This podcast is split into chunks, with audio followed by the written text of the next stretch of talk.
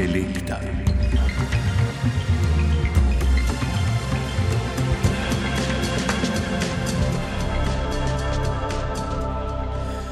S časom in z rabo se jezik, kot vemo, spreminja.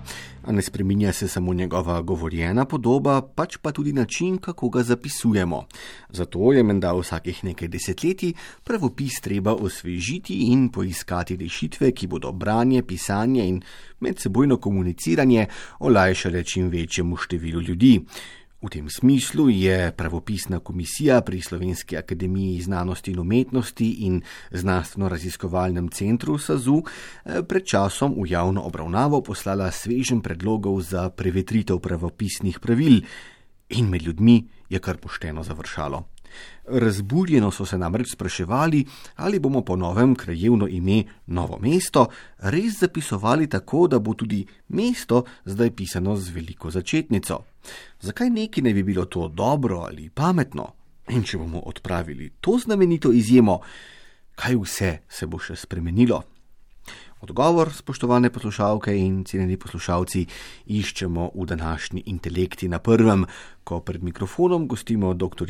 Heleno Dobrovoljc, predsednico pravopisne komisije, ter Marto Kocijan Barle, dr. Hutimirja Tivadarja in dr. Petra Vajsa, članico in člana strokovne komisije, ki pripravlja spremembe pravopisnih pravil. Spoštovani gostje, lepo pozdravljeni, dober dan. Dobar dan. Dobar dan. Zdaj, začnimo s najbolj osnovnim, rudimentarnim vprašanjem. Kaj je pravzaprav pravopis? Čemu ga sploh potrebujemo? Zakaj nam za ustrezno orientacijo, kako napisati to ali ono besedo, ne more zadoščati že preprosto slovar slovenskega knjižnega jezika, doktorica Dobrovoljca? Pravopis je v prvi vrsti nabor pravil, ki nas usmerjajo pri rabi velike in male začetnice, pri rabi ločil in drugih pisnih znamen, pri pisanju skupaj in narazen, ter pravil, ki podajajo eh, splošna in pa tudi zelo podrobna napotila za prevzemanje besed in imen iz drugih jezikov. Ta pravila spremlja potem pravopisni slovar za katerega rečemo, da gradivsko razširja pravila in se osredinja na tista mesta, kjer smo zaznali, da uporabniki dvomijo, pri katerih se pojavljajo zadrege, ali je neko jezikovno sredstvo še del knjižnega jezika, kakšna je knjižna raba. Eh, za nas razširitev pravopisnih pravil, torej eh, izdelujemo pravopisna pravila in pravopisni slovar, pomeni uslovarjanje velikega nabora lastnih imen, domačih in pa prevzetih, kratic in nasploh vseh prvin knjižnega jezika, ki za niso najbolj značilne. To pravopis tudi loči od slovarja slovenskega knjižnega jezika, ki pa je pomensko razlagalni slovar in z gradivom ponazarja najbolj značilno rabo leksemov v knjižnem jeziku. Eh, prvič, odkar se izdelujejo pravopisi in pa pripravljajo slovarska dela, usporedno nastajata dve taki normativni deli hkrati. In usporedno nastajanje pravopisa in pa pomensko razlogalnega slovarja v okviru iste ustanove nam pravzaprav omogoča na eni strani poenotenje rešitev na vseh prekrivnih področjih, torej pri zapisu, izgovoru, na glasu, eh, slovnični umestitvi, slovničnih kategorijah. Po drugi strani pa se zaradi tega vsak od teh dveh slovarjev lahko specializira za svoje področje. To z drugimi besedami pomeni, gospa Kocijan Barle, ne, da pri pravopisu, takrat, ko vzamemo v roke tisto debelo knjigo, ne, Eh, ni zares najpomembnejša stvar ta abecedno urejen slovarček, po katerem sicer kar radi brskamo, ne? ampak tistih sto in še nekaj strani na začetku, kjer so natančno razložena pravila, po katerih zapisovati ali kako. Ja, to je zdaj odvisno, kdo se hoče pozanimati v pravopisu, kaj je prav. Imate poklice, kjer morajo seveda ljudje dobro poznati pravila recimo lektori, prevajalci se pogosto zatekajo k temu, pisatelji rajši ne. ne. imajo za to lektorje, recimo, in tako naprej. To je odvisno od tega. Drugi pa rajši pogledajo posamezni primere. Eh, težava nastane zato, ker tisti, ki gledajo posamezne primere, ne znajo potem sklepati dobro po analogiji. Ne? In če primera ni noter, se pošteno razjezijo. Ne? Kako da tega ni, kar jaz iščem. Skratka, potrebna je neka kombinacija osnovnega znanja pravil, ne tako poglobljena, kot jo mi prikazujemo, ker mi zdaj vendarle, glede na preteklost, poskušamo zajeti mnogo več. Kdo reče, pa kaj tako komplicirate, kaj toliko kopičite, kaj delate toliko novega. Ne delamo niti toliko novega, niti ne kopičimo, ampak poskušamo odgovarjati na vsa ta možna vprašanja, ki so se v tem času pojavila. Recimo, to je izkazovala jezikovna svetovalnica, kjer so morali na ZRC-ju odgovarjati na mnoga vprašanja, ker ljudje niso našli odgovorov ne v pravilih, ne v pravopisu. Tako da kombinacija obojega. Kombinacija pa nastane tudi tako, da dobite osnovno izobrazbo, vendarle v osnovni šoli, da se nekih stvari naučite, predvsem pa danes, ko imamo možnost iskanja po elektronskih virih, da se lahko naučite teh spretnosti in vam ni treba tako zelo spomina obremenjevati. Razumem. No, seveda, dobro je stopiti takole v hrabri eh, novi čas, hrabri novi svet, doktor Vajs, ampak eh, vendarle, ne? zadnji slovenski pravopis, ki ga imamo v že omenjeni debeli knjigi, ne? je išel leta 2001. Ne? In zdaj se sprašujem, ali se je res v teh 20 letih praksa govorjene in pisane slovenščine tako zelo spremenila, da je potrebno razmišljati pravzaprav o oblikovanju novih pravopisnih norm. Saj ne gre za pravopisno normo, gre za podaljševanje tistega, kar je bilo že prej. In pravopis, prvi slovenski pravopis s tem naslovom je išel leta 1899, napisal ga je Fran Levec. Čisto avtorsko delo je bilo, zelo dobro za tiste čase, eh, in njemu so potem ali sledili, ali pa se od njega v podrobnostih oddaljevali. Ampak duh slovenskega jezika, ki se je začel seveda s trubarjem, eh, je pa vsebovan v vseh teh pravopisnih pravilih in v pravopisih tudi. Eh, zanimivo je to, da smo veliko bolj pozorni na tisto, kar je ali robno ali obrobno, velike male začetnice, kjer pride do nihanj in to, medtem ko se o množici besed, ki so povsem neproblematične, uh, niti malo ne sprašujemo. In vse to je v slovarjih zapisano in mora biti vedno znova potrjeno. Eh, ne mora biti zaradi tega, ker bi kdo pozabil, da je miza ženskega spola, da se naglasi na prvem zlogu, da je dvozložna in tako naprej. Ta beseda miza. Eh, ampak zato, da vemo, s čim imamo opraviti in tistega osrednjega se niti ne dotikamo, tisto, kar je na robu, je pa podvršeno naši pozornosti in potem tudi pozornosti tistih, ki jim prihajajo v roke. In tako je recimo z velikimi malimi začetnicami zdaj v nekaterih primerjih. Pri praznikih je recimo tako, da zanihamo, čež da imamo do božiča ali do ne vem katerih praznikov poseben odnos in da jih zaradi tega pišemo z veliko začetnico. Če bi šli na taka ideološka stališča, potem najbrž, da bi kdo podvomil tudi ali se metod trobec res mora pisati v obeh delih z veliko začetnico, pa niti malo ne dvomimo in pravopis pravi ja, zaradi tega, ker je človeško bitje, ki ima ime in priimek in ker se tako piše še pri milijonih, ker nismo samo slovenci, so še drugi in tudi vsi drugi, ki pridejo v slovenščino, v slovenski jezik, gostovati z imenom in priimkom ali pa arabskim vzdevkom ali kakorkoli že. Vse to obvladuje pravopis. No, in pravopis zdajšnji, ki ga poznamo res pod uh, imenom Slovenski pravopis 2001, je išel že v, v prvem delu. Pravila so išla že leta 1990 in Prejšnji pravopis je bil pa iz leta 1962 in vidimo, da se v približno 30 letih pokaže potreba, da pravila, ta že znana ali pa kaj novega, napišemo na novo.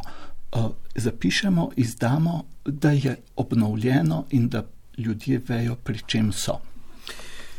Je pa to seveda dolgotrajen proces, kaj ne, doktor Tivadar, na vse zadnje prenova pravopisnih pravil zdaj aktualna, ne, s tem delovnim procesom ste vendarle začeli že pred koliko sedmimi leti in pol ali nekaj takega. Ne. In zdaj je ravno se nekako zaključila javna razprava o predlogih, ki ste jih pripravili glede rabe eh, velike in male začetnice ter prevzetih besed in besednih zvez, ampak ne, zdaj, tisti, ki bi mislil, da ta javna debata signalizira, da ste z delom v komisiji zaključili, ta bi se sleko prej uh, motil. Ne? Zato se sprašujem, ne? kaj pravzaprav ste že dali, kar se vas tiče nekako adakta, uh, kaj pa vse vas uh, seveda še čaka. Ja, zdaj tu konkretno ta poglavja, ki so bila sedaj dana v samo obravnavo. To je bilo tudi že prej, to bi jaz rad izpostavil, preverjeno tako med nami kot člani komisije kot tudi seveda med, uh, smo tudi spraševali, anketirali tudi javnost. Ne, tako da ni bilo to tako, kar uh, samo od sebe. Uh, torej res je to dolgotrajen proces, dolgotrajne diskusije znotraj komisije. Uh, sam sem pač zonani član, ki prihaja z fakultete in sodelujem potem pri bolj ali manj uh, zaključnih redakcijah, seveda pa tudi že pri samih konceptualnih stvarih sem bil zraven. Rad bi pa to izpostavil, da mislim, da je na koncu je samo nauk o pisnih znamenjih, ne, to je tisto, kar je bilo bolj ali manj že zaključeno. Tole je pa sedaj dano v obravnavo, se dopolnjuje. Eh, je pa res, da je bilo premišljeno, ne, ni bilo to eh, z neba in od enega človeka ali dveh. Ne, to se mi zdi eh, pomembno povdariti, zato ker dejansko to je toliko ur usklajevanja, priprav gradiv potem eh, sestankov, nestrinjanja. Eh, to moram izpostaviti, ker tu včasih je občutek, da zdaj si je pa to nekdo eh, nekaj izmislil in je potem bilo to sprejeto zaradi njegovega velikega ega ali kaj takega. Ne. To ni nikakor bil proces, ki smo ga mi ustvarjali uh, skozi vsa ta leta.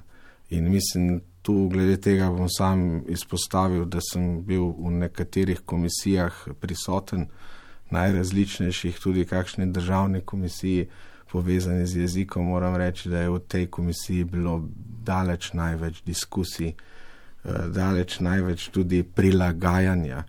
Hočete reči, da iščete potem takem konsens? Konsens, absolutno. Tu mislim, da ne gre eh, niti približno za to, da bi zdaj res pa nekdo uveljavljal svoje. Ne. Išče se konsens, ampak na drugi strani se je pa na koncu potrebno tudi odločiti. In včasih ti kakšna stvar, zdaj bom čisto osebno povedal, ne, kakšna stvar tebi ni všeč, ne. ampak te kolegi prepričajo, prediskutiramo in potem to sprejmemo.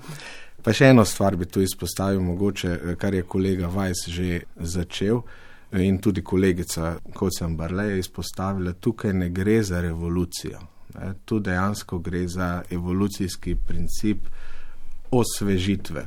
Meni je ta izraz nekako najbližje, osvežitev pravopisnih pravil, ker pravopis kot tak uh, mislim, da ni dobro, da bi bil podvržen pretiranim revolucionarnim zadevam in uh, ne sme se soditi samo po eni, kot je kolega Vajs rekel, obrobni stvari, uh, ki pa je pedagoško recimo zelo pomembna. Mogoče samo še to, pa bomo kasneje mogoče nadaljevali, ne sam predavam tudi pravopis na najrazličnejših smereh na univerzi in moram reči, da osnovni problem je, da so recimo velike težave z vejicami, tudi zahtevnejšimi primeri velikih začetnic, tole mesto vas, elo, selce, vesce, trg in tako naprej, vse te opredelitve krajev, pa 99 odstotno vsi obvladajo. Ne. Pa mislim, da ni potrebno kaj dosti naprej nadaljevati, ne, da bi bilo dobro, da bi mi te stvari tudi naprej še v sami šolski praksi uh, spodbujali. Zdaj, če se bo pa to, ta uh, novo mesto, mesto pisalo z veliko, ne? to bomo pa zdaj po koncu javne razprave videli. En predlog je bil zelo skrbno oblikovan, tudi metodologija jasna, izdana monografija, tako da stvari niso bile narejene niti približno na pamet. To je potrebno tu izpostaviti. Sam sem tisto monografijo recenziral, ne? tako da. Razumem. To, to, to moram dodati, da ni nič narobe, da ljudje dvomijo, pa ne bi pa rad, da bi pa preveč bilo uh, čustveno odzivanje na uh, mnoge jezikovne probleme. Je pa dejstvo, da slovenci imamo svoj jezik zelo radi ne? in zato smo čustveni. to gotovo, ampak vseeno, doktorica Dobrovoljc, vas je burnost odziva ne, ob eh, predlogu, ki ste ga nekako dali v javno razpravo, da bi namreč ta znamenita izjema, ne, da se v krajevnih imenih, kjer je eh, ne prva beseda, eh, bodi si mesto, bodi si vas, bodi si selo, bodi si trg ali pomenševalnica, seveda. Od katere od teh besed, ne, da bi se zdaj začela pisati z veliko ne, črko, to je završalo, ne, se mi zdi. Ste vedeli, da imate v rokah uroč kostan?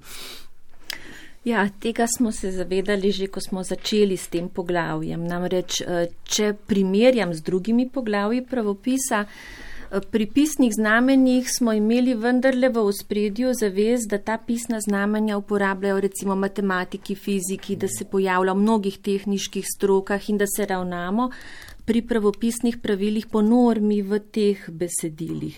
Potem eh, poglavje o krajšavah je izrazito opisno, eh, saj se pravzaprav lahko krajšave ali kratice naprimer vedejo tako sklonljivo kot nesklonljivo spreminjajo slovnične kategorije. Pri mali in veliki začetnici pa ni tako. Eh, sprejeti je treba neka pravila oziroma gre za dogovorno rešitev. Ne? Že doslej je bila vedno dogovorno oblikovana, vsaka pravopisna pravila doslej so prinesla pri pisanju zemljepisnih imen vsaj eno inovacijo, vsaj eno spremembo. Torej, eh, to pomeni, da vendarle jezikoslovci doslej niso bili zadovoljni z načinom urejanja tega vprašanja in pa tudi pri mali in veliki začetnici ni mogoče oblikovati pravil, ki bi dopuščala vse možnosti. Ne? Gre za eno odločitev. In pri nas je bilo pomembno oziroma v ospredju to, da je treba oblikovati pravila, ki ohranjajo občutek neke jezikovne sistematizacije. Saj se je takih pravil mogoče naučiti. In to je zelo pomembno, da se eh, torej nekdo, ki se šeli jezika uči, ali je to otrok ali pa je tujec, da mu lahko preprosto razložimo, zakaj je razlika med eh, zgornjo pečjo in pa dolenjim sevcem. Torej, na nek način, da je treba to pisati očitno v slovenščini drugače. To smo imeli pred očmi. Res pa je, da je ta razred izjem, vas, mesto, trg, selo, ki je bil kasneje dopolnen še z pomanjševalnicami in narečnimi, izrazi z te perspektive nekoliko neenoten. Ne? Hm. Ampak se bi vendar lahko rekli, pa to je tako znamenita izjema, ne? koliko kontrolk je bilo vendar eh, pisanih v vseh teh letih, kjer smo se učili, da ne, ne, novo mesto je mesto z malo, ne? ampak škofja loka je pa loka z veliko. Ne? Kaj ne bi mogli reči, Glejte, ne vse generacije so se eh, tega razmeroma uspešno naučile, kot je tudi dr. Tivadar, nekako iz svoje študentske. Uh, ne, ne, ne. ne, ne. Vedele so, da to obstaja. Praktično je pa včasih še vedno težava, kljub tem strašnim kontrolkam. Tako da hočem samo to povdariti, ne, da je preveč koncentracije na tej eni izjemi, ne pa na splošni kakovostni rabi jezika. To je bil moj povdarek. Tako da samo to sem hotel ponazoriti, da ne bo nesporazumov. Ne. Gospa Kocijan Barle? Ja, jaz bi še k temu nekaj dodala. Mogoče šolski sistem se tukaj ni ravno dobro odrezal. Zakaj? Stvar je bila dovolj preprosta, če tako pogledamo. Ne? E, namreč ravno te besedice, ki so bile izjema v pisanju ne, takrat imenovanih naselbinskih imen, zdaj krajevnih imen, so definirale to, kaj je to naselbina v tem pomenu. Torej, naselbine so vas, mesto, trg je večje urbano naselje, selo, selce, ne je bilo treba razložiti. To je bil en mehanizem, s katerim bi se dalo to lepo razložiti. Drugi je pa bil, da če pogledaš na zemljevid, je to ali s kvadratkom ali pa s krožcem. Zelo preprosto, ampak. Tega se ni naredilo, ni opravilo, in zato je tako, kot eh, je rekel kolega, ne, pridejo tudi na fakulteto ljudje, ki imajo s tem težave. To se nam očitno ni posrečilo, ne, stroki in pa šolstvu, da bi to uveljavili, in smo začeli opažati, da to ne gre. Zato so se razvile te debate, kako to rešiti in narediti neko mehanično načelo. Ne? Ja, Morda še to, da so spremembo predlagali tisti, ki se srečujejo s tistimi imeni, ki so manj pogosta. Naprimer, knežja lipa ali dolenje medvedje selo ali pa recimo ostrožje brdo. Kaj zdaj to je? Ali je to res brdo ali gre res za neko lipo? Skratka, vedeti je treba, o čem govorimo, o čem pišemo. Mogoče bi tukaj Peter Vajs, ki je pravzaprav edini med nami, ki je zagovarjal temeljito reformo, celovito reformo, torej tudi v drugi sestavini pisano, eh, tudi pri nekrajevnih imenih z veliko začetnico, lahko povedal, kakšen je bil njegov način argumentiranja tega. Prosim, ta način niti ni tako nov, ker je bil preizkušen že na začetku 20. stoletja.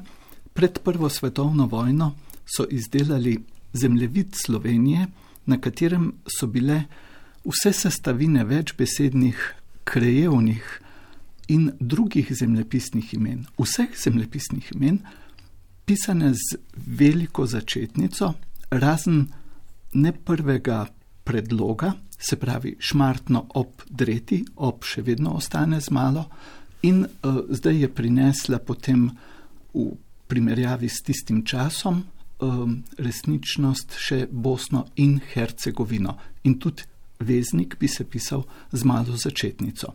Sicer pa vse logarske doline, vse loške potoke in tako naprej bi pisali z samimi velikimi začetnicami v vseh sestavinah. Mislim, da je to težka stvar in najbrž da je za mnoge zelo nespremljivo, da bi Jadransko morje pisali morje z veliko ali pa Blejsko jezero tudi jezero z veliko. Ampak imamo pošto, ki se imenuje Blejsko jezero. Imamo pošto, ki se piše Loška dolina eh, in je dolina potem pisana kako, z veliko, z malo. Medtem ko krajevnega imena, naselbine, kot se je reklo včasih, uh, Loška dolina sploh ni. Uh, je pa ime občine in tako, in tudi osnovna šola se imenuje na ta način. In to so take težave, da dobivamo od domačinov vprašanje v pravopisno sekcijo, pravzaprav posredno prek jezikovne svetovalnice, kako naj pišemo tisti drugi del. Uh, ni preprosto. Eh, rešitev bi bila preprosta, ampak se najbrž da uporabnikom nekje na neki stopni začne upirati. Eno bi, drugega ne bi. In Črnogoro bi mirno pisali, gora tudi v drugem delu, medtem ko Bohinjskega jezera pa zlepa, zlepa ne. E, mogoče najdemo kako rešitev, ampak trenutno je tako. Če, če, če samo dodam. Prosim, doktor Tivadar, ja. E, Točno to sem danes eh, v eni skupini študentov preveril in točno to, kar je kolega rekel, drži. Bohinsko jezero je problem, to ne bi Črna Gora, tu so pa že bili malo bolj naklonjeni. Ne? Tako da to je čisto sveže z dopoldanskih predavanj. Pa še nekaj drugega je. Eh, namreč tisto, kar je mene odganjalo od tega zapisovanja vsega z veliko, čeprav imam zelo rada poenostavitve, da se razumemo v pravopisu. Ne? Ni človek temu a priori ne naklonjena. Ne? Ampak, ko pomisliš, vse knjige, ki bi jih ljudje brali, nekateri se preprosto učijo pisati začetnice z branjem, vsi napisi, javni, vse ulice, uh, vsi kraji, vse bi bilo. Skratka, že pri novem mestu je nastal cirkus, da bo treba spremenjati pa neke izkaznice, pa tako naprej, čeprav to sploh ni tako, da to bo postopoma. Ampak si lahko predstavljamo, kaj bi to pomenilo za vse učbenike, za vse knjige, ki jih prebiramo, prevedene, izvirne in vse začetnice nenadoma noter na robe. Če bi sprejeli tako radikalno spremembo, ki bi sicer strahovito olajšala in na prvi pogled je izredno simpatična. Ne? Rečeš, samo tole si morajo še zapomniti naši ljubi slovenci, op in in ne predlogi, pa vezniki z malo, vse drugo z veliko, prevzete besede zune, če imamo Črnogoro, če Črnogorci tako pišejo, bomo še mi in tako naprej. Ampak. Kaj to bi rekla v življenju ljudi potegne za sabo, si pa rajši ne mislimo, če je že zdaj kot ste rekli, nastal majhen vihar, ne v kozarcu vode, kaj bi bilo šele v tem primeru. To moramo vprašati, seveda, dr. Vajs, ne, tole, kar ste govorili prej o, o Loški dolini in tisti pošti tam. Ja. Kakšna bo zdaj norma? Kako bo to zdaj urejeno? V tem konkretnem primeru niti ne vem, ker bo treba ali udariti po mizi, pa reči, bo mala začetnica v nasprotju z vsem tistim občutenjem oziroma tistim, česar ne moreš utemeljiti, ali pa da rečemo, kakor hitro se pojavi ime v imenu pošte, tisto ime potem pišemo, kot da gre za krajovno ime. Uh, Loški potok je še poseben primer, ker tudi tega naselja ni, uh, je potok, katerega ime se je preneslo na celotno tisto področje, in potem imajo v krajevnem imenu hrib Loški potok, eh, se pravi hrib v Loškem potoku in pišejo priročniki potok z veliko začetnico, kar je spet nespremljivo, ker je težko utemeljiti.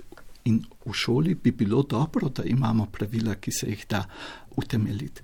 Eh, ne vem točno, zdaj imamo javno razpravo, najbrž da bomo na koncu te razprave pametnejši.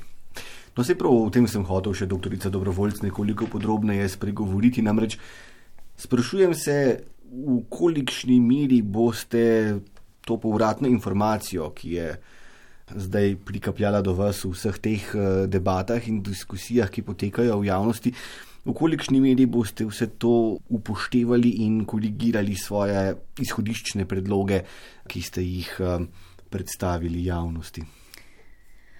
Ja, glede na to, da, uh, kot smo že prej povedali, se v komisiji odločamo za izrazito argumentativno vedenje, torej da se prepričujemo z argumenti, v javni razpravi pričakujemo nove argumente. To je tisto, pri čemer bi mi potem spremenili svoj pogled na to problematiko. Eh, mi se zavedamo, da je vsako uveljavljeno, eh, uveljavljen način zapisovanja zelo težko spreminjati. Ne na zadnje so ljudje ne naklonjeni spremembam prav pri jeziku, ker to se jim zdi, da je neka svetinja, nekaj, s čimer se bo potem zdaj zrušilo slovnico ali pa uveljavljen način. Gre za, um, kako bi rekla, za. Um, V bistvu moram povedati tako, da mi pričakujemo v tej razpravi nove argumente. Že zdaj vidimo, da smo dobili nad tisoč odzivov in da nam ljudje pišajo tudi, da ne bodo pisali recimo krajevnega imena Črni vrh z veliko začetnico, eh, čeprav je to pravilo velja zdaj že 20 let, da se mnogi odzivajo, ki ne poznajo aktualnih pravil eh, in da je z te perspektive naša javna razprava odprta novim argumentom. But, če zdaj dobro razumem, vi hočete reči, če imamo neko naselje, ki se imenuje Črni vrh, pišemo seveda tako črni, kakor vrh, uh mhm. -huh. oboje z veliko, in če nad tem naseljem se pne pobočje nekega hriba, ki je tudi Črni vrh, ne, bo pa v tem drugem primeru, v primeru uspetine, vrh pisan z malo, kaj ne? Tako je. Tako. Tako je do zdaj. Tako je bilo do zdaj. In z te perspektive je morda Črna Gora, ki ste jo omenili, ne, ko smo kdaj želeli bolj preprosto pojasniti, kako naša pravopisna pravila delujejo, smo pač rekli, pogledajte, tamle je Šmarna Gora, to je uspetina in jo pišemo zato z malo, Kranska Gora pa je eh, naselje in zato pišemo Goro z veliko. To potem pri Črni Gori odpove. Morda tudi zato, ne, ker so opisna imena, pravzaprav, ko mi opišemo Blejsko jezero, je to res jezero, ki je na bledu. Ne? Zdaj, če bi se Blejsko jezero imenoval kraj, bi ga pa pisali z veliko. In pri nekaterih eh, ta mehanizem odpove, pri imenih držav, naprimer. Se pravi, eh, je delo vas, ki sodelujete v pravopisni komisiji, eh, Sizifovski projekt, nekaj, kar ni nikoli zaključeno ali kako. Ne? Še ena tematika ali problematika je, ki ste jo ponudili zdaj slovenski javnosti v debato in premislek in sicer tu govorim o prevzetih besedah. Ne? Kaj pravzaprav so prevzete besede? To so besede iz drugih jezikov in iz nareči, ki jih prevzemamo v knjižni jezik. Prevzemamo jih tako, da jih prilagodimo glasovnemu sestavu, ki je značilen za knjižni jezik, ko govorimo o govorjeni besedi. Ko pa govorimo o pisani besedi, se pa seveda ravnamo po potem teh pravopisnih pravilih, o katerih smo govorili. Seveda pravopisna pravila prinašajo zelo splošna načela in pa prinašajo zelo podrobna načela. Ta pa so zajeta tudi v preglednicah za posamezne jezike, ki pa v tej fazi niso bila objavljena na spletu, ampak jih pripravljamo ta trenutek za vsak jezik posebej in imamo pripravljenih že približno okoli 15. Morda o tem malo več pove Marta. Ja, prevzete besede bodo zdaj in besedne zveze seveda sodijo vsem bojo glede na prejšnji pravopis kar malo drugače predstavljene, kot so bile. Že same stopne, ne, nič več ne operiramo z izrazoma tujka in sposojenka, ker so ljudje to zelo težko razlikovali. Poleg tega je tudi v stroki sami so različni pogledi. Etimologi drugače gledajo na tujko, za nje je tujka lahko rečemo še hiša, ne, ker je bila prevzeta in tako naprej. Nas pravopisce pa zanima v bistvu pisna in govorjena podoba, kot je rekla Helena in zato smo tudi gledamo na te prevzete besede in besedne zveze kot pisno podomačene, pisno nepodomačene, to pomeni, da jih prevzemamo iz izvirnika, kdaj jih prevajamo in kdaj jih zamenjujemo s slovenskimi. Tisto, kar bo pa temeljito recimo prevetrilo ta stari pravopis, pa bojo ravno preglednice za tuje jezike. To je tudi za vaš medij recimo zelo zanimiva tema. Namreč sestavili smo nek osnutek, kako naj bi izgledale zdaj te preglednice. Če ste zdaj pogledali preglednice za tuje jezike v pravopisu, je bilo tam pokazano, ne, kako naj bi neke pisave pretvarjali ne, v glasove in tako naprej. Te preglednice so se v rabi, jaz sem dolgo delala s tem, ne samo kot fonetičarka tukaj na radiju, ampak kasneje pri leksikografskih izdajah kot urednica ali pa kot lektorica recimo. In sem videla, da je treba to res temeljito dopolniti. Ne. Da pa bomo to lahko naredili, je treba pa kar precej naštudirati in seveda smo morali zaradi tega tudi povabiti strokovnjake za posamezne jezike, ki nam bojo pri tem pomagali. To pomeni, da bo šlo izrazito za sodelovanje slovenista in pa strokovnjaka za tuji jezik.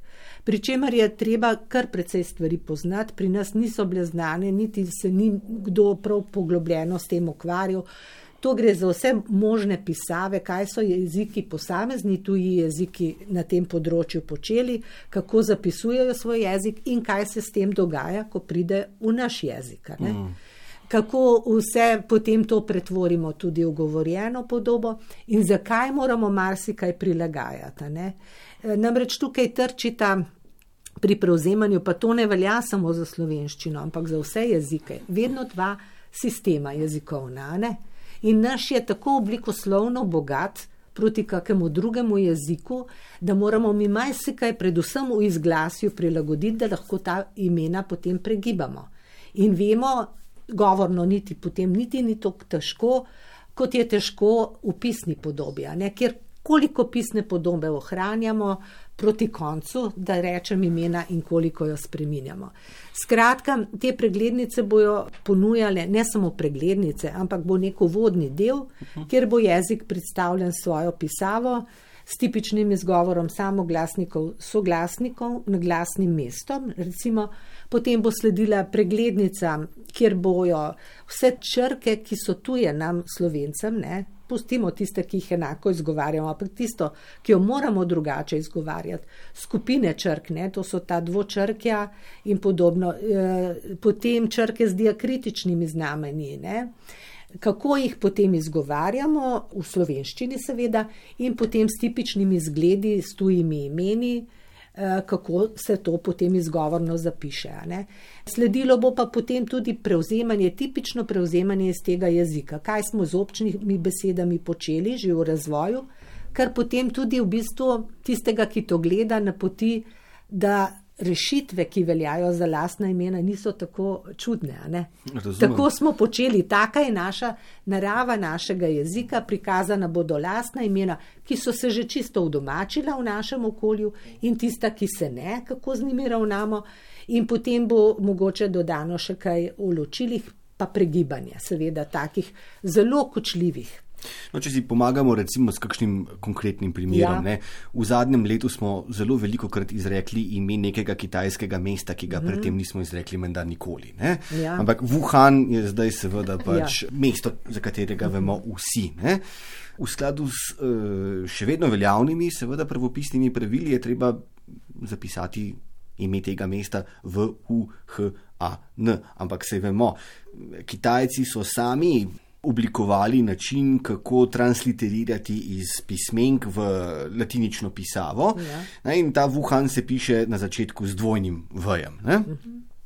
In če si hoče kdo ne, sredi eh, epidemije ne, novega koronavirusa pogledati kaj več o mestu, kjer je eh, virus prvič eh, vzniknil, ne, si bo najbrž moral pomagati s tem dvojno vojevskim zapisom in ne tem, ki ga priporoča slovenski pravopis, če hoče seveda se o mestu pozanimati na svetovnem spletu. Če sem zdaj dobro razumel, hočete reči, da odslej naprej bodo tudi v pravopisu nekako dali svoj žegen temu dvojnemu voju ali kako? Ja, gledajte, to je zelo zanimivo vprašanje, za njega sem vam pravzaprav hvaležna. Ne? Ker tukaj se bo izrazito pokazalo, kako moramo mi zdaj drugače pri marsičem ravnati in kako je tudi marsikaj upravičeno. Sama sem bila vedno zagovornica tega, kar tudi recimo strokovnjaki v tujini pišejo, da si mora jezik tuja imena prilagoditi tako, da jih bojo ljudje čim laže brali. Ampak, seveda, ne gre to v neskončnost. Tipičen primer tega je, recimo, če zdaj vzamemo samo kitajščino, pa ni edina, ne? Kako zapisovati. Kitajci so ta pinin ponudili kot latinični zapis. Vedeti moramo, da so hoteli ugajati predvsem anglosaksonskemu svetu, a ne angloameriškemu svetu pri tem, kjer je značilno, da imajo angliži kot danes angliščino pač večina eh, slovencev tako rekoč zna. Vemo, da imamo tam različne kombinacije črk, ki jih enkrat izgovarjamo dvojni one, ne vem koliko načinov in tako naprej. Skratka, se kar navadimo, ne, da imamo dvočrkja, eh, sklope črk in tako naprej in vemo, da jih moramo različno izgovarjati. In tako so naredili tudi pinjina. Ampak težava v tem je vedno, veste, 50-50. Tisti, ki bojo morali besede izgovarjati, za njih je idealno, da se napišejo tako, kot so izgovorjene. Ne? Torej, sledimo temu idealu jezikoslovcev, da približamo zapis. Ampak druga stvar pa je, ki je pa danes aktualna, je pa tukaj so to interneta, ne, kjer dobite spleta ne, in tam je vse zapisano na ta način ne, in tako naprej. Da skrajšam zgodbo, ob sodelovanju sinologinje Mateje Petrovčič, ki je odlična jezikoslovka, se je dalo tukaj dogovoriti, kako bomo ravnali.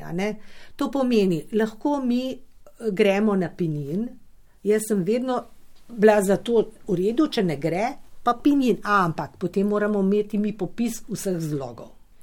Namreč to je izredno pomembno razvrščenih po abecedi in kako se izgovarjajo. Na kakšno težavo naletimo mi, pa ne samo mi, ampak ravno tako angleži, ki jim je to ponujeno, da se namreč nekateri zlogi govorno pokrijajo, kar pa za jezik nikoli ni dobro. In zdaj, kako to vse najti? Recimo, en tak primeren, uh, zanimiv zgled je ZH. Nepričakovano ga boste morali izgovoriti, mislim, da je ščejem, ne na pamet, zdaj le točno ne vem. Skratka, nepričakovan izgovor. Kaj je delal prejšnji pravopis? Poskušal je si sposoditi, da bi pokril toliko različnih glasov, še je ne z ostrivcem, ne še z ostrivcem, da bi bil to šija ne? Ker je fonemov v kakem jeziku mnogo več, kot jih ima slovenščina.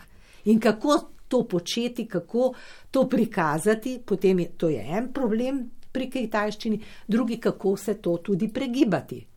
Ker mi nismo vajeni, da imamo na koncu polglasnik, pa bomo mi to spodaljševali z jajem, razen pri kraticah. SSKJ, SSKJ. Zdaj pride pa kitajsko ime, ki ima tudi tak polglasnik in to se moramo mi to v pravopisni komisiji še vse dogovoriti. Ampak sistem je pripravljen, odan je rokopis za kitajščino, tam bo pač pininski in če bo to potrjeno v komisiji, bo veljal pininski zapis. Ampak vi, ki boste pa tukaj morali brati, boste pa morali kukati v preglednico 420 izlogi, lepo po abecedi poiskati, lepo zloge razdaliti, poznati kako se piše ime, ne, pa priimek, kaj je eno zložno, kaj dvozložno, in iskati tiste zloge, in boste znali prebrati. No, se mi že zdi, seveda, čisto prav, ne, da nekaj napora v branje vsakdo med nami mora vložiti, ne, in da vsega na srebrnem pladnju pa tudi najbrž ni mogoče prinesti, in je najbrž. Dobrodošlo, ne, da so neke rabe, ki so mednarodno utrjene, ne, vsi pa živimo v vedno bolj globaliziranem svetu, ne, nam tukaj pravzaprav za pomoč, da se čim hitreje znajdemo na spletu, brez katerega nam živeti slejko prej ni. Um, ker se zlagoma bližamo sklepu našega današnjega pogovora, spoštovani gostje, bi vas pravzaprav vprašal še tole. Ne? Zdaj, več kot očitno je, ne, da marsikaj še vedno ostaja odprto, v marsikakšnem oziru. Eh, stvari še niso klesane v kamen, niti ne morejo biti, ne, ampak se evolucijsko spreminjajo, kot smo ugotovili na začetku naše današnje oddaje. Ampak vseeno, kdaj menite, da bi mogli zaključiti z delom in kdaj bi sadovi vašega dela na vse zadnje postali pač nova pravopisna norma za naslednjih, kot smo slišali, približno 30 let. Doktor Vajs, recimo. Ne vem, če bo to šlo na ta način, da bomo rekli, do jutri se vozimo po desni strani, od eh, pojutrišnjem naprej pa po levi. Veliko od tega, kar imamo v pravopisnih pravilih, se zdaj že uresničuje, saj sem povedal, eh, in niti ni problematično. Eh, imamo občutek pri tistem mestu, selo, naselje in tako naprej, da je ta zgodba stara 20 let, tako približno. Ne, resnica je, da so se o tem dogovorili leta 1975, mislim, in v krajevnem leksikonu Slovenije, ki je išel leta 1976, je to že uveljavljeno. V tretji knjigi, v prvih dveh pa še ni bilo. Tako da lahko hm. izračunamo od leta 1976 do danes, je pa 45 let. Pa, pa vidimo, da še vedno ni končano. Na ta način si lahko rečemo samo, uvedemo in damo pravzaprav do nadaljnega v uporabo, in upamo, da se bo prijelo, da je naše predvidevanje bilo toliko močno, da bo postalo last vseh. Če kje še vedno potem kako pravilo odnaša, uh, nič za to. Tudi v zadnjih pravopisnih, uh, pravzaprav ne pravilih, ampak v pravopisnem slovarju smo imeli pridevnik okolijski, ker je teorija jezikoslovna rekla, da se pridevnik tvori iz rodilnika množine, okoli, in da mora biti potem samo še ski zraven. Ker je pa v primerjavi z ladijski, ki ne moramo reči ladijski, stvar izgovorljiva, je pa čisto dobro, če je potem čez čas tisti i izpadel in zdaj pišemo okoljski in se razumemo. Mislim, da na približno tak način dobre jezikovne rešitve ostanejo, mi jezikoslovci jih pa moramo po eni strani utemeljevati, mogoče kakšne stran poti tudi videti in opozarjati na nje, in če gre na dober način, bo vendarle potem ostalo in zdržalo, nič se pa ne da povedati, koliko časa se bomo potem enkrat odločili, mislim, da skupinsko, da je pa zdaj dovolj in da gre stvar v uporabo. To je ponavadi z izidom knjige povezano, ampak zdaj v zadnjem času niti to že ne več, ker je stvar na internetu lahko čisto dobro dosegljiva. Uh, tako. Sej, prav to sem še hotel vprašati, doktor Tivadar. Ne? Ta možnost, seveda, e-pravopisa. Uh, ki jo pravzaprav vsak uporabnik na tem zdaj že znamenitem portalu Fran ne, lahko vsak dan eh, izkusi. Ne. To najbrž ponuja za jezikoslovce neko izjemno možnost, da ostanete gibki, da se odzivate premišljeno, seveda na to, kar opažate kot neko novo rabo ne, med uh, najširšimi plastmi prebivalstva. Seveda, mislim, to je bistveno, da v bistvu tu imamo dve zadeve. Ne. Eno je, da ljudje uporabljajo fran ne, in oni potem to v svoji rabi imajo, na drugi strani pa v bistvu imajo še dodatno možnost jezikovne svetovalnice, kjer lahko tudi dodatno še eh, določena vprašanja zastavljajo. Tako da tu mislim, da je ta interaktivnost zdaj zagotovljena, tudi te pripombe o tem, Eh, govorijo. Za nas jezikoslovce je pa seveda to zelo v redu. Jaz bom zdaj predvsem pedagoško to izpostavil. Študentu poveš, si pogleda zadeve in ogromno iščejo dejansko po besedah. Ne, tudi pravila mislim, da so sedaj celo bolj uporabljena, kot so bila včasih, ker dejansko grejo v digitalno obliko, utipkajo ključno besedo, dve in poiščejo potem tisto pravilo. Ne. Čeprav mi seveda težimo, gremo lepo od prve do druge, tretje, četrte strani, ne. ampak dobro vemo, da ljudje pač eh, izberejo lažjo pot. In tu na Franu mislim, da je kar nekaj eh, dobrih zbirk, tudi starejše slovnice, recimo, so že gor eh, pravopisi. Eh, tako da mislim, je kar nekaj stvari na samem tem portalu, Moram pa izpostaviti še korpuse za nas jezikoslovce kot strokovnjake. Mi seveda uporabljamo tudi korpuse in tukaj je kar nekaj korpusov zelo, zelo obsežnih, predvsem pisnih. Govorjeni korpusi so tukaj malo mogoče manj obsežni in tudi na nek način eh, normativno relevantni, ampak eh, pisnih korpusov je pa kar nekaj in v te smo mi redno gledali. Tako da to je potrebno povedati, da, to, eh, da je to že tista raba, ki smo jo videli. Uh -huh. Določene problematične stvari smo šli preverjati eh, tudi v že izdelane korpuse. Še ja. nekaj bi jaz, če lahko rekla, smo malo pozabili. Namreč ta pravopis, slovarski del pravopisa, ki sproti nastaja, se precej razlikuje od tega, kar smo bili do zdaj v pravopisu vajeni. Ne? Eh, namreč prejšnji pravopis, eh, slovarski del, je bil še preveč vezan na eh, SSKJ. Ne? Zdaj pa v resnici nastaja bolj pravopisna gesla z informacijami, ki se nanašajo na pravopis. To je ena stvar. Druga pa elektronske možnosti so take, da so možne vse te povezave med sabo. Od posameznega zgleda, ki je, vse to se da že preverjati, ne, ki je recimo že predstavljen v slovarskem delu pravopisa, novem slovarskem delu, pa nazaj na pravila. In to se bo vse lepo povezovalo, tako da tisti, ki ga bo kaj zanimalo, bo lahko zelo hitro prišel tudi do pravila, kar do zdaj ni bilo tako hitro mogoče. Ključno se mi seveda pri vsem skupaj zdi, da je debata na tanko odprta, da se bomo vsi skupaj lahko v medsebojni interakciji, komunikaciji in argumentiranju seveda odločali, kaj bomo storili z našo materinščino, tako da se bomo na vse zadnje čim bolje razumeli. Eh, spoštovani gostje, gospod Dobrovoljc, gospod Kocjan Barle, gospod Tivadar in gospod Vajs, najlepše se vam seveda zahvaljujem za tale pogovor in za vsa pojasnila.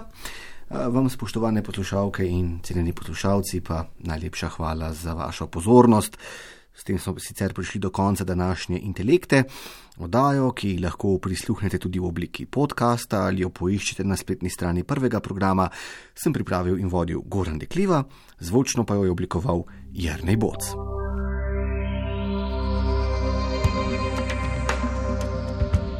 Intelekta.